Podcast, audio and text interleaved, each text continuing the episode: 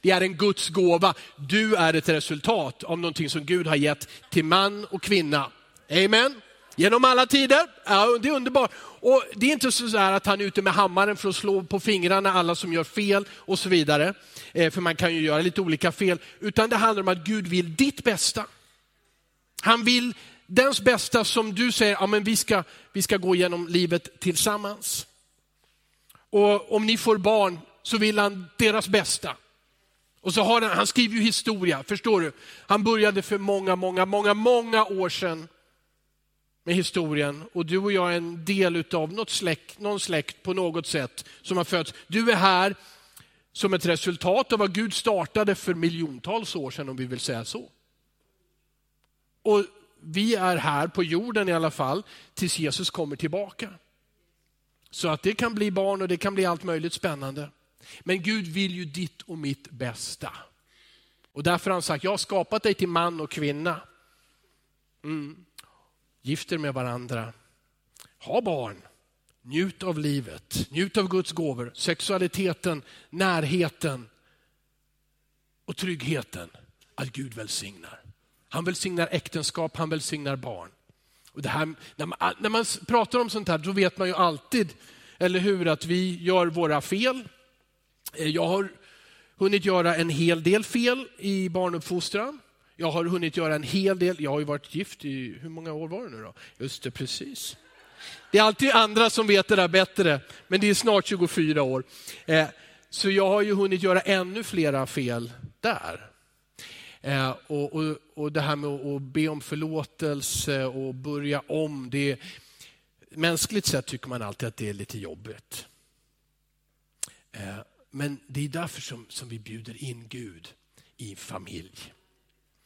Eh, inte för att vi då blir perfekta, utan för då har vi en tredje person med i äktenskapet och i familjen som inte är i vägen på något sätt. Han är inte i vägen, utan han gör det här starkare.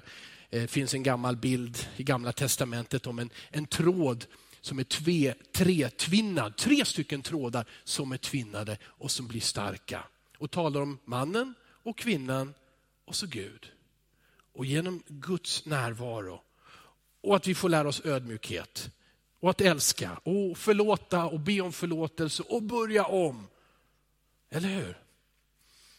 Det är mycket som jag säger spontant idag. Det är så ofta som vårt samvete förstör så mycket för oss. Eftersom vi vet att vi gör fel. Och eftersom jag tänkt att tala lite grann om barn idag, så, så då, det, det, alltså det är ju det här dåliga samvetet, det, det, det förstör så mycket. Jag tror nämligen inte att det förstör så mycket att du och jag gör fel. Det, det är också en sak. Det kan bli allvarligt. Men grejen är den att när vi verkligen får förlåta varandra i äktenskapet,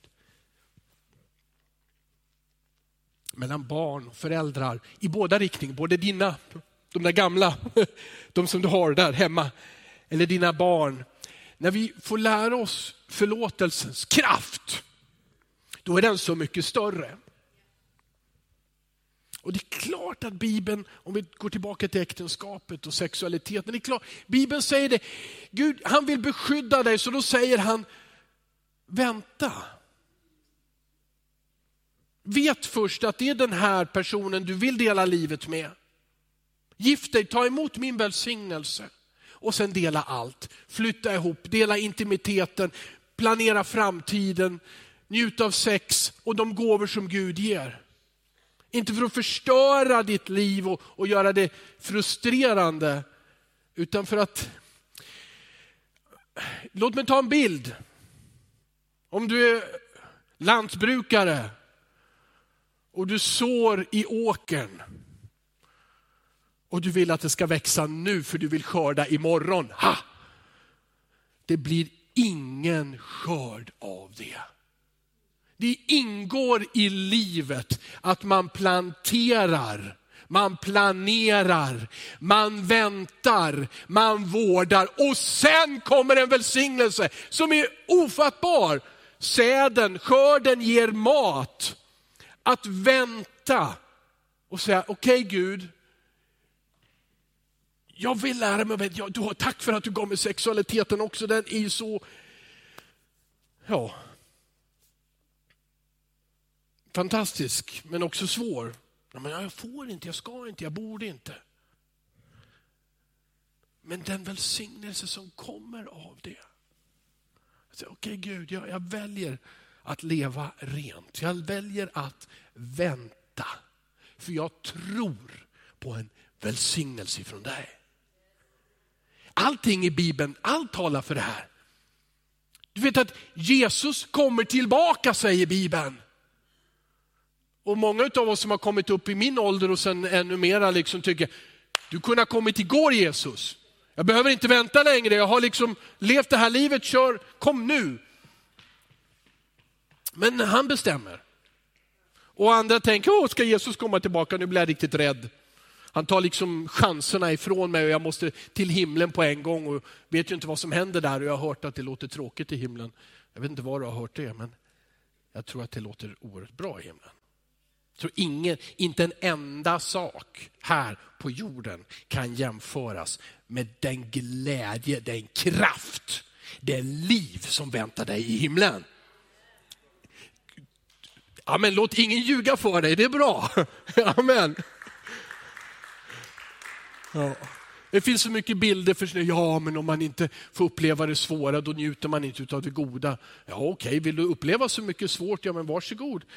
Men, men, men säg då, då okej okay, då, då ger jag mig ut som missionär. Då går jag till en av de här, och flyttar jag ifrån trygga Sverige och så flyttar jag till en av de här länderna och kulturerna där inte en människa har hört om Jesus. Där det inte finns en bibel, varken vuxenbibel eller barnbibel. Där det inte finns någonting översatt till deras språk. Där de kanske inte alls tycker om en svensk kultur och en människa som du. Men du säger, jag är beredd att ta det svåra i livet. Varsågod, gör det, följ Jesus och se hans välsignelser, hur han öppnar dörrar för dig i det här livet. Och när du kommer till himlen så kan det hända att du har massor med människor som välkomnar dig. Äntligen är du här, du bad för mitt land. Du gav i kollekten den söndagen för att det skulle ges via församlingen till ett folk, ett land som inte har hört evangeliet. Du bad, du gav, du sa, Gud här är jag, använd mig. Förstår du? Det är så du skaffar dig vänner genom att tjäna Gud och människor. Så att du inte går in i himlen och säger, var kom du ifrån? ja men det är underbart, vi alla, blir alla frälsta av nåd om vi tror på Jesus. Jag förstår det. Du kan vara med och befolka himlen. Här på jorden kan du befolka genom att föda barn. Gifte först, föd barn. Men i, du kan befolka himlen genom att berätta om Jesus. Det är därför det har mening att när du får den där tanken i bussen, mm, ska jag, ska jag sätta mig bredvid honom och ska jag försöka berätta något om Jesus? Vilken galning. I Sverige pratar vi inte med människor vi inte känner, eller hur? Usch. Och du vet, de har, alla har bråttom så de har säkert ingen tid. Och de tänker säkert inte på Gud och de undrar vem du är. Men förstår du? Det där lilla, du säger till Jesus, använd mig. Här sitter en människa som du älskar. Hjälp mig att komma på en bra inledning Jesus och så tar du över sen. Låt den heliga ande leda dig. Och det lilla mötet kan förvandla en människas liv, kanske inte där och då. Du vet, du och jag, vi är en del, eh, vi är inte döda pusselbitar, men vi är ändå del i ett pussel som Herren lägger. Och du kan vara avgörande för ett moment i en människas vandring mot Gud. Så be för dina klasskamrater och be för dina arbetskollegor och be för dina grannar och be för människor du känner och ännu inte känner. Och säg Herre, använd mig idag för evigheten. Tror ni att jag kommer att predika om det jag skulle predika? Vi ska se om jag kommer att göra det. Jag ska ändå läsa den här texten. Eh, ni, vet, ni som känner mig vet att jag predikar ur Markus evangeliet sedan ett par år, återkommande om och om igen. Jag hoppade över en text, men idag så är det, var det dags för den texten. Och det är just den om när Jesus välsignar barnen. Eh, och vi har ju precis välsignat barn här. Men jag vill läsa den och så säga lite grann om den, för det är Det är en super, super viktig text i evangelierna. Den här när Jesus välsignar barn. På många sätt så hör det till en av de allra viktigaste texterna. Eh, och då står det så här i Markus evangeliets tionde kapitel, vers 13 och framåt. Och varför är den viktig? Jo, den här berättelsen finns tre gånger i Bibeln. Den finns i Matteus evangeliet, Markus evangeliet och Lukas evangeliet. Så om Gud lägger in någonting tre gånger i Bibeln, det borde vara rätt så viktigt, eller hur? Man bar fram små barn till Jesus för att han skulle röra vid dem. Men lärjungarna visade bort dem. När Jesus såg det blev han upprörd och sa till dem, låt barnen komma till mig och hindra dem inte, för Guds rike tillhör sådana som dem. Jag säger er sanningen, den som inte tar emot Guds rike som ett barn kommer aldrig dit in. Och han tog upp dem i famnen och la händerna på dem och välsignade dem. Ja, den här texten, bland annat, så den besvarar hur Gud ser barn. Och den besvarar också en superviktig fråga i hela vår värld. Vad händer med barn som dör? Vart tar den själ iväg som dör i mammas mage? Och även om vi inte pratar om det så har jag förstått att det är ett väldigt högt procenttal utav barn som dör i mammas mage. Ibland vet mödrarna om det, ibland sker det så tidigt att man inte ens hinner märka det. Det finns, hur många barn överlever det första året? Genom fattigdomen, olika typer av förtryck och elände så dör det ju miljontals barn. Även de där första fem, sex åren.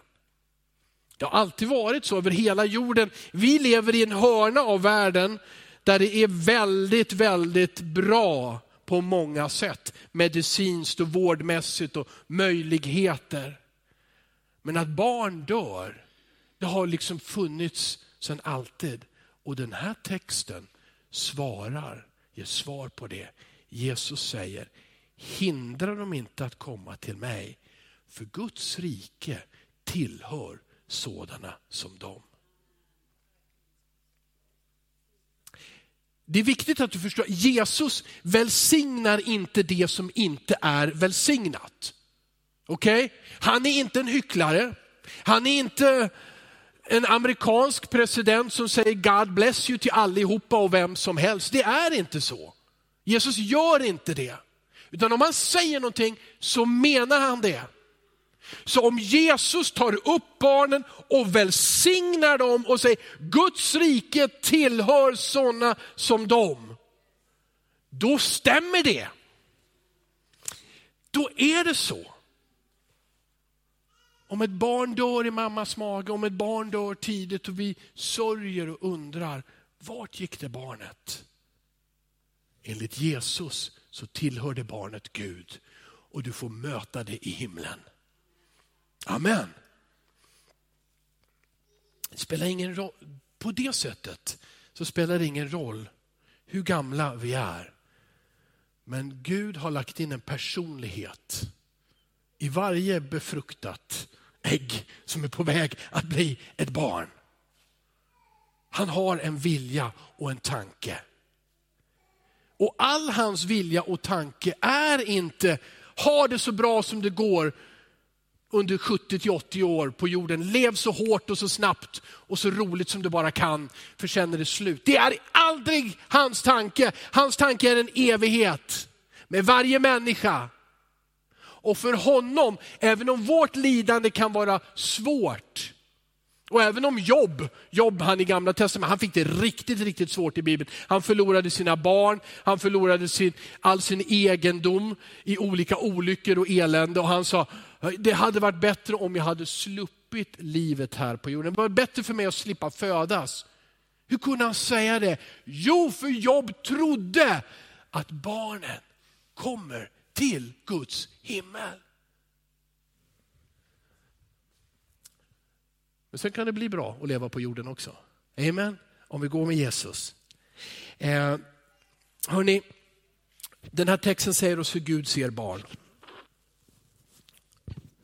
Nu är det så att Gud och du och jag, jag och Gud, eller du och Gud, vi ser inte riktigt saker på samma sätt. Vi, vi, vi tar ett barn i harmen och säger, oh, det här är det oskyldigaste och renaste och finaste som finns. Det är så härligt. Och det är liksom, ja, ja, Gud måste bara älska alla barnen. Gamla gubbar älskar han kanske mindre då, då men, men små barn de är rena och fina. Men det är inte riktigt så Gud tänker. Det finns ett, ett superstort allvar i Bibeln där, där Bibeln säger väldigt tydligt att varje barn som föds, föds med synd.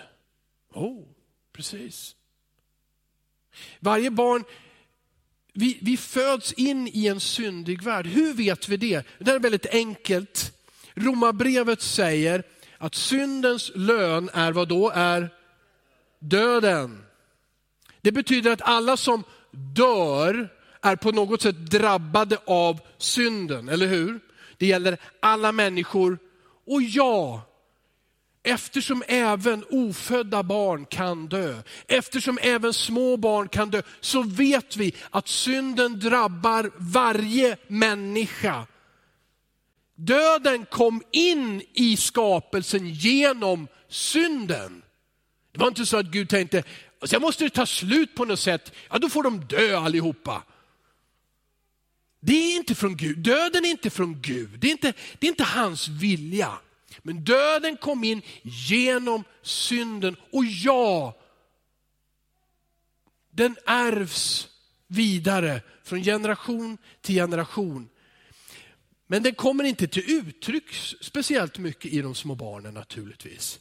Utan det är det där när man börjar välja. När man växer upp och man börjar göra val, då blir det tydligare. Här har vi två, stycken olika, två saker som liksom strider lite grann mot varandra. Vi ärver en synd och vi, vi kommer att dö. Eh, Jesus säger barnen tillhör mig. Det finns många, många, många olika teologiska försök här. Och man har faktiskt stridit om detta genom mycket långa tider. Och jag har inte, tycker jag, den där superbra lösningen. Det är precis så här det är. Men Bibeln säger två saker. Då, då. Ja, vi föds i synd. Och Jesus säger barnen tillhör mig. Låt dem komma till mig. Han välsignar dem. Och eftersom Gud handlar i nåd, han ger nåd. Och nåd är någonting att vi, vi får någonting som vi inte har förtjänat. Det är nåd. Du får utav Gud livets gåva. Nåd är också att inte få vad vi har förtjänat. Vi som har hunnit växa upp och hunnit synda en del och ställa till det mycket. Vi borde få vad vi förtjänar, eller hur? Men det är Guds nåd där också, att du får inte vad du förtjänar. Och så tror jag att det är en nåd som Gud lägger över varje barn som föds. Att inte utkräva ansvar från en liten individ som inte kan ta ansvar. Man skulle nu kunna diskutera om i vilken ålder kommer det där ansvaret. Jag har inte kommit fram till det heller och jag har frågat människor som är mycket smartare än vad jag är. När, när, när sker det där liksom? När eh, övergår det? Skulle kunna spekulera om tolvårsåldern. den är ju väldigt viktig i gamla testamentet när en ung människa blev vuxen så att säga. Eh, och, och så vidare. I vår kultur så ligger väl vuxenåren eh, lite senare, va? någonstans efter 40. Eh, och, och, Ni vet, så det, där, det, det går liksom inte... Men jag tänker att Gud handlar med oss som individer. Och någonstans så växer det där fram. Jag vet vad jag gör och jag förstår vilka konsekvenser det har.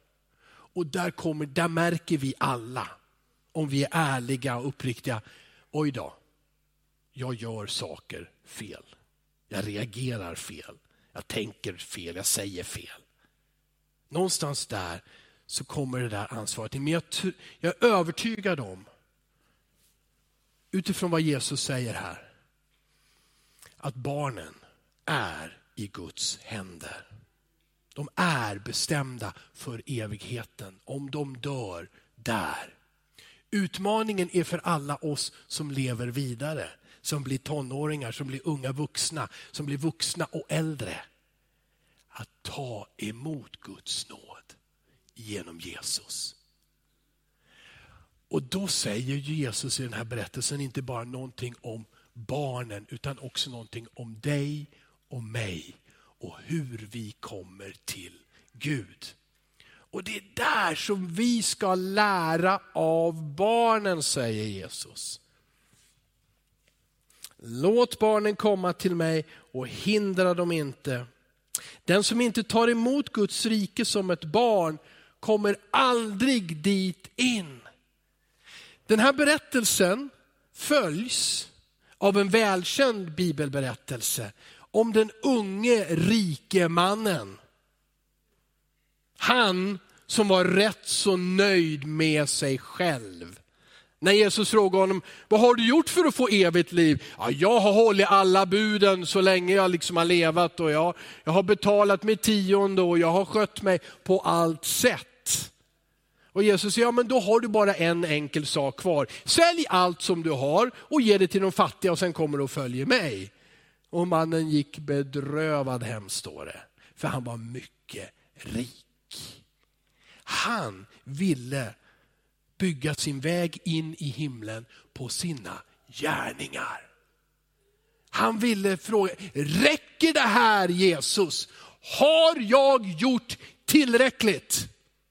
Om du är ärlig med dig själv så finns detta tänkande automatiskt i oss. Har jag bett tillräckligt? Har jag gett tillräckligt? Har jag investerat tillräckligt mycket tid? Är det här okej okay, Gud? Eller kräver du någonting mer utav mig? Men då får vi lära oss två saker här när vi tittar på barnen. Vad har, vad har de små barnen gjort som gör att de har förtjänat Guds välsignelse? Eh, de, vad har de gjort för att förtjäna straff? De har inte hunnit göra någonting, varken gott eller ont. Men Jesus säger, Guds rike tillhör sådana som dem. Det här blir för dig och mig en illustration på den viktigaste sanningen i Nya Testamentet. Att ingen blir frälst på grund av sina gärningar för att ingen ska berömma sig. Alla blir frälsta genom Guds nåd. Och vi sätter tro till Guds nåd och Guds godhet genom Jesus. Det här är en, en, en otroligt stark exempel på detta. Förstår du? behöver inte växa upp och tänka, och så måste jag göra det och så måste jag göra det och sen ska det bli bra. Men Gud säger, här, oskyldigt, rent, har varken förtjänat det ena eller det andra. Men jag älskar. Det är samma väg för dig och mig. Samma väg för dig och mig. Han älskar dig och han förlåter dig. Jag ska gå tillbaka till en av de där trådarna jag plockade upp i början. Som ung människa vill man gärna, om man är ung och, och troende på Jesus, ja, men jag vill leva rent. Och Det var en av mina största besvikelser som ung man att upptäcka att jag inte alls levde så rent som jag tyckte att jag en gång, ja en gång var jag oskyldig liksom. Och människor sa fina Kalle, eller Carl Wilhelm sa fin pojke. Och sådär. Nästan ett hjärta som David, det var nog någon som sa något sånt där. Vet du. Jag har ett hjärta som David och så märkte jag, jag har inte alls något hjärta som David. Eller så kom jag på att David hade också gjort dumma saker när han blev vuxen. Va? Ja, det, just det var ett sånt hjärta som David, vilket elände. Det, det, här är ju, jag skojar ju lite nu, men det här är ju väldigt deprimerande. Liksom. Det bara, Men det största, det är ju att, att Jesus gör dig och mig rena. Amen. Så jag uppmuntrar inte till någonting av felsteg, men, men jag vill säga till dig, om du har en lång lista på felsteg, hur dålig just du är, genom Jesus så blir du helt ren. Du blir ett oskrivet blad. Även om du tycker att du har kommit upp i åren och gjort erfarenheter både av det ena och det andra slaget som inte var rätt. Men genom Jesus så är du ren. Det handlar egentligen bara om att du och jag också lär oss att ta till oss det. Det finns inget brev uppe i himlen, det finns ingen bok, en lång lista som Gud vill tala om för dig. Du gjorde det och du gjorde det och du sa det och du tänkte det. Och det här, när du kommer till himlen, då ska du få smisk. Det, den det, listan, står det, tog Jesus och spika fast på korset. Amen. Och det här är samma, det här är samma betydelse som att, jag kan inte riva sönder min predikan, ja, jag får väl göra det. Det är liksom, ta, du, du vet, du, du får ett brev på posten från Kronofogden och så talar den om hur mycket du är skyldig. Och då ska du inte göra det jag gjorde nu.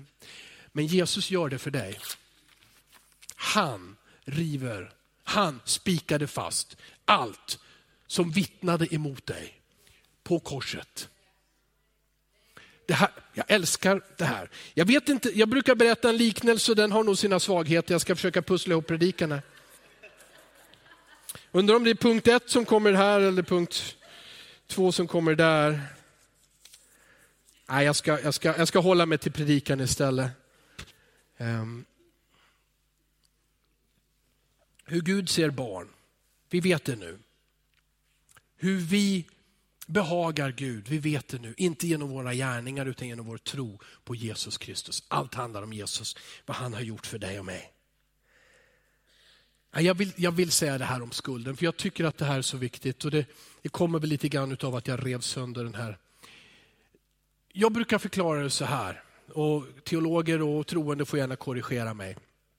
Men jag tänker mig att när Jesus kommer till oss människor så säger han, jag tar gärna din skuld. Skojar du, säger du? Det är, inte ditt fel. Ja, men jag tar det. Om vi för enkelhetens skull säger vi talar att det handlar om pengar då. Så det handlar om lånet på huset. Ja, men jag tar det. Oh, oh wow, Jesus tog det. Verkligen. Oh, Okej, okay, så då gör ni ett papper och banken vet om att det ligger inte längre på dig utan nu ligger det på Jesus. Det är fantastiskt. Så går han till nästa och säger, du jag tar din skuld också. Wow. Bilen, grannens bil som du förstörde. Du lånade den och körde sönder den. Och du, nu måste du betala tillbaka. Och jag säger, men jag, jag tar det också. Och, så skriver ni papper på det där. Det där är klart. Det är ju underbart. Banken bryr sig inte någonting, eller hur? Det är väl okej, okay. Per nu Per skuldfri, eller förlåt att jag sa Per, men det var någon som var skuldfri nu i alla fall. Och, och nu kan du gå och ta ett nytt lån eller vad som helst. Så banken, banken vet, ja men allt ligger ju på den här snubben, han heter visst Jesus. Det är en tung börda att bära, men han kunde göra det. Så går han så säger, han, okej okay, jag är beredd att dö för er. Och så dör han. Vet du vad som händer med brott, med anklagelser, med skulder när någon dör? Vet du det? Det blir inga mera utredningar. Polisen lägger ner allting. Kronofogden lägger ner allting. Det finns ingenting. Och plötsligt, och i det här fallet är det ju djävulen, så vill han springa till olika människor. Ja men det var du, det var ditt fel, och det var du, och det var du. Och du säger, tror du ja. Det var jag som orsakade problemen, men Jesus tog över. Du kan gå till Jesus, så kan du ta, prata med honom om min skuld. Var är han då? Han är död och begraven, uppstånden igen. Det här är kraften, förstår du? Att du är fri från skuld. Genom Jesus Kristus. Det är därför det är så häftigt att leva för honom. Det är därför det är så fantastiskt. Att i himlen så finns det ingenting som vittnar mot dig som har tagit emot Jesus. Du som har satt din tro på honom, att han har dött i ditt ställe. Du är förlåten och fri. Det är därför det är kul att be. Det är därför det är häftigt att gå på bönemöte. Det är inte för gamla eh, pastorer och tanter. Det, det, är häftigt att få be hemma i din kammare som Jesus säger. Att samlas med Guds folk till bön i bönemöte. För det är en öppen himmel över dig och mig. Det handlar om att vi tar till oss vad han har gjort för oss och att vi tror att det här är för alla människor. Han vill använda oss. Och så ska vi säga någonting mer. Det här, säger, det här bibelstället säger också någonting om vilken plats barnen ska ha i församlingen. Eh, när Markus skriver det här så skriver okay, man bar fram små barn för att han skulle röra vid dem. Lärjungarna visade bort dem. Och I grekiskan är en, en rejäl tillrättavisning. Bort. Bort föräldrar och bort barn. Det finns annat att göra. Det kan ha varit att Jesus inte hade tid tyckte de. Det är väl en vanlig förklaring, jag tror på den också. Men jag tror också att det finns i detta att man såg inte att det var relevant för små barn. För Jesus talade ju om himmelriket och vad har barn att göra med himmelriket, tänkte man. Och det här var väldigt vanligt tänk i hela antiken och även inom judendomen när, när, på den tiden Jesus levde.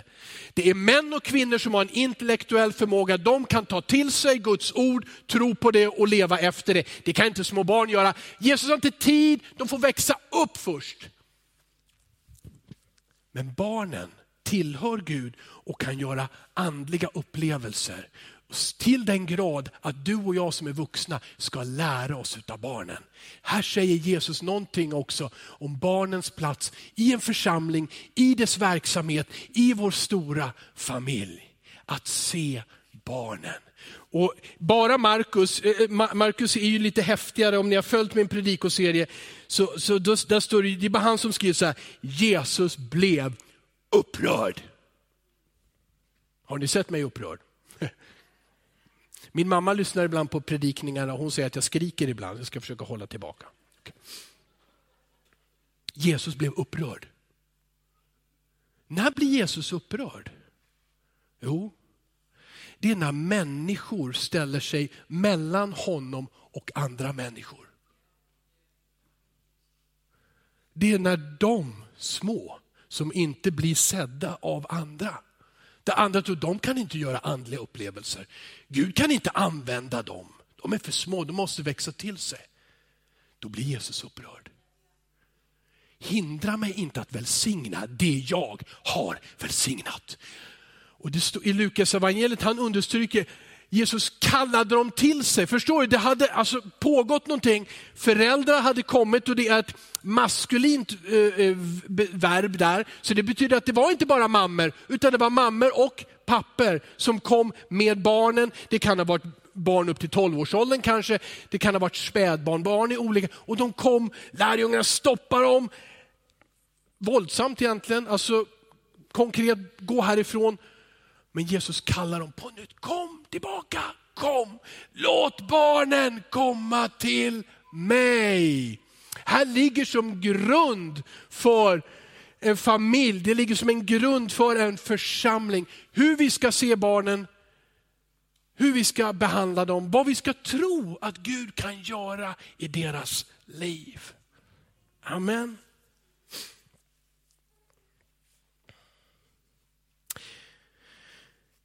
Jag har en kort kommentar och jag är inte bra på att kommentera sådana här saker. Det, det går en, en tv-serie, eller jag vet inte vad det ska kallas för, eh, med, med den här ah, barn, barnabönen som titel.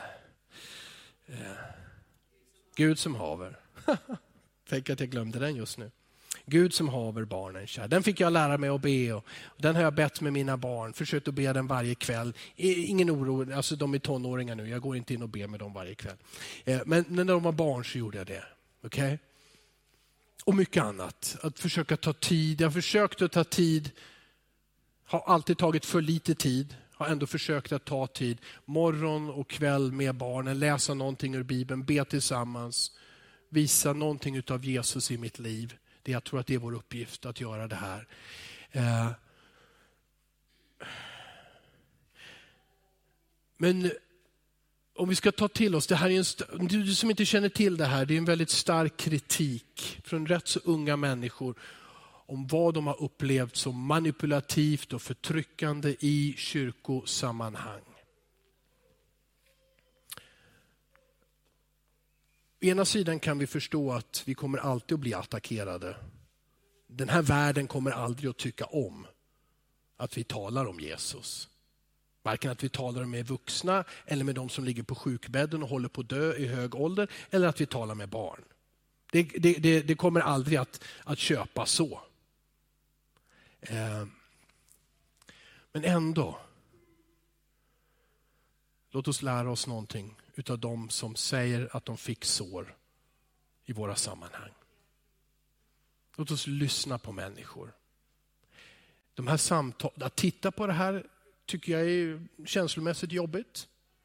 Att gå in i sådana här samtal är inte enkelt. Att lyssna hela vägen, att inte börja försvara och förklara. Jag vill försöka att lyssna bättre. Jag vill uppmuntra oss att försöka att göra det. Och lära. Det finns ingen kraft i att vi är manipulativa. Vi har ingen fördel av att vi indoktrinerar barnen och säger, du måste klä dig så här, du får bara göra så här, du måste bara vara där.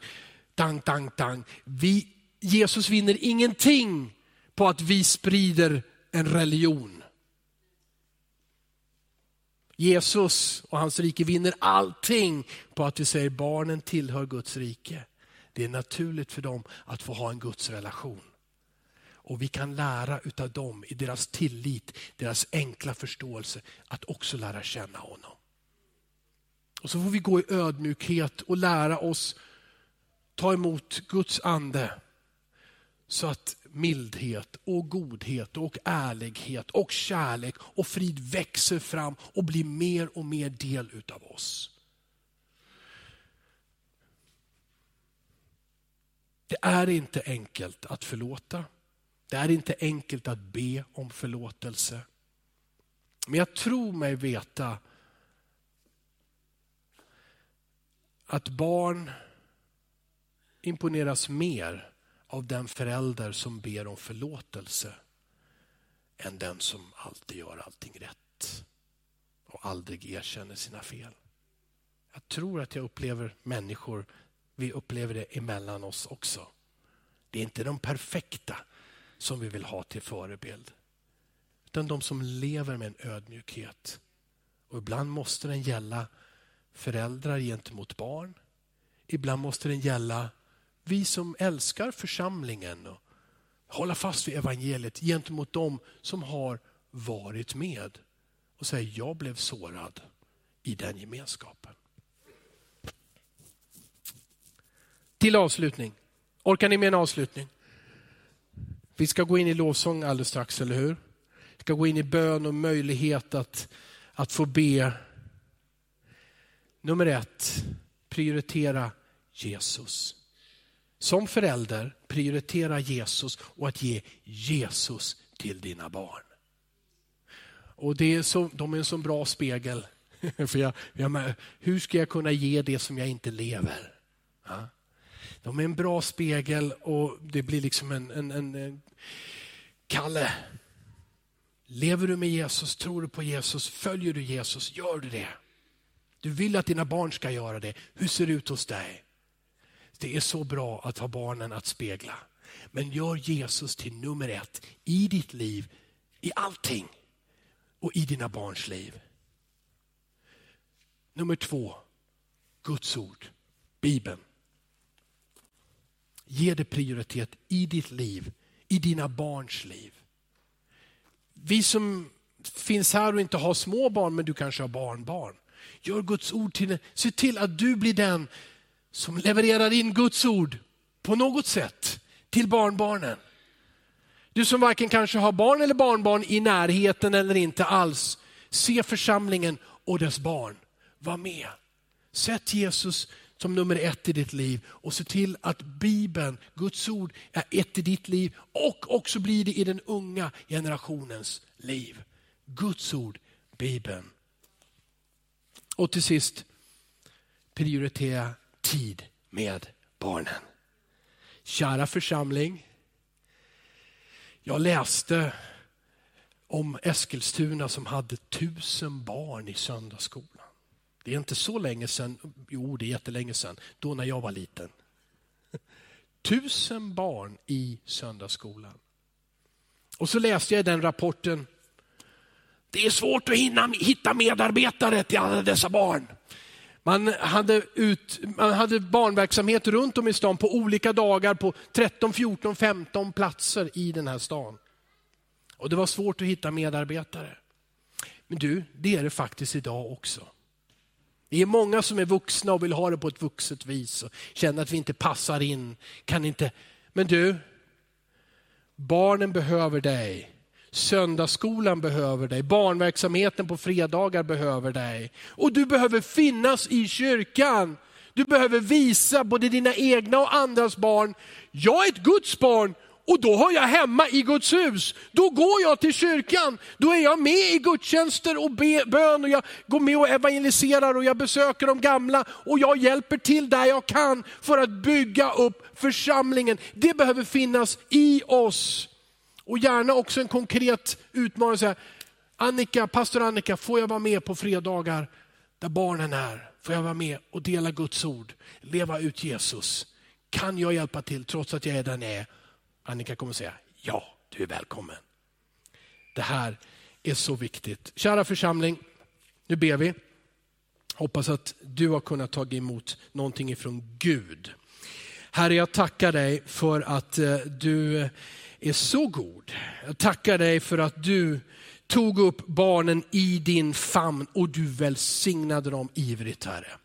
Du, du välsignade dem när andra ville skjuta bort dem, inte ta tid för dem. Jag tackar dig Herre för att du ser barnen och de tillhör dig. Jag tackar dig Herre för att vi får bli som barn i det att vi tror på att du Jesus har dött för våra synder för att förlåta oss Herre. Vi bekänner nu ditt namn, Jesus, Guds son. Tack för förlåtelse för mig, för var och en. Herre, så ber jag dig Jesus Kristus om en ny fräsch blick på barnen i min och i vår närhet, i hemmet, i släkten, i familjen, i församlingen, i samhället Herre. Herre Jesus, vi hör inte till dem som ger upp. Vi hör inte till dem som säger det är för sent Herre, utan vi tror på en Gud som säger tiden är nu. Herre, vi tar emot din nåd för oss själva nu och vi vill se på barn och de unga i vår församling och vårt samhälle med dina ögon. Det finns en kärlek som gäller nu. Det finns ett hopp som är aktuellt nu. Det finns en nåd som hjälper, helar och upprättar. Herre Jesus Kristus, låt oss vara en församling, låt oss vara troende som sprider detta ljus och detta hopp i Eskilstuna och i vår värld. I Jesu namn, Amen. Amen.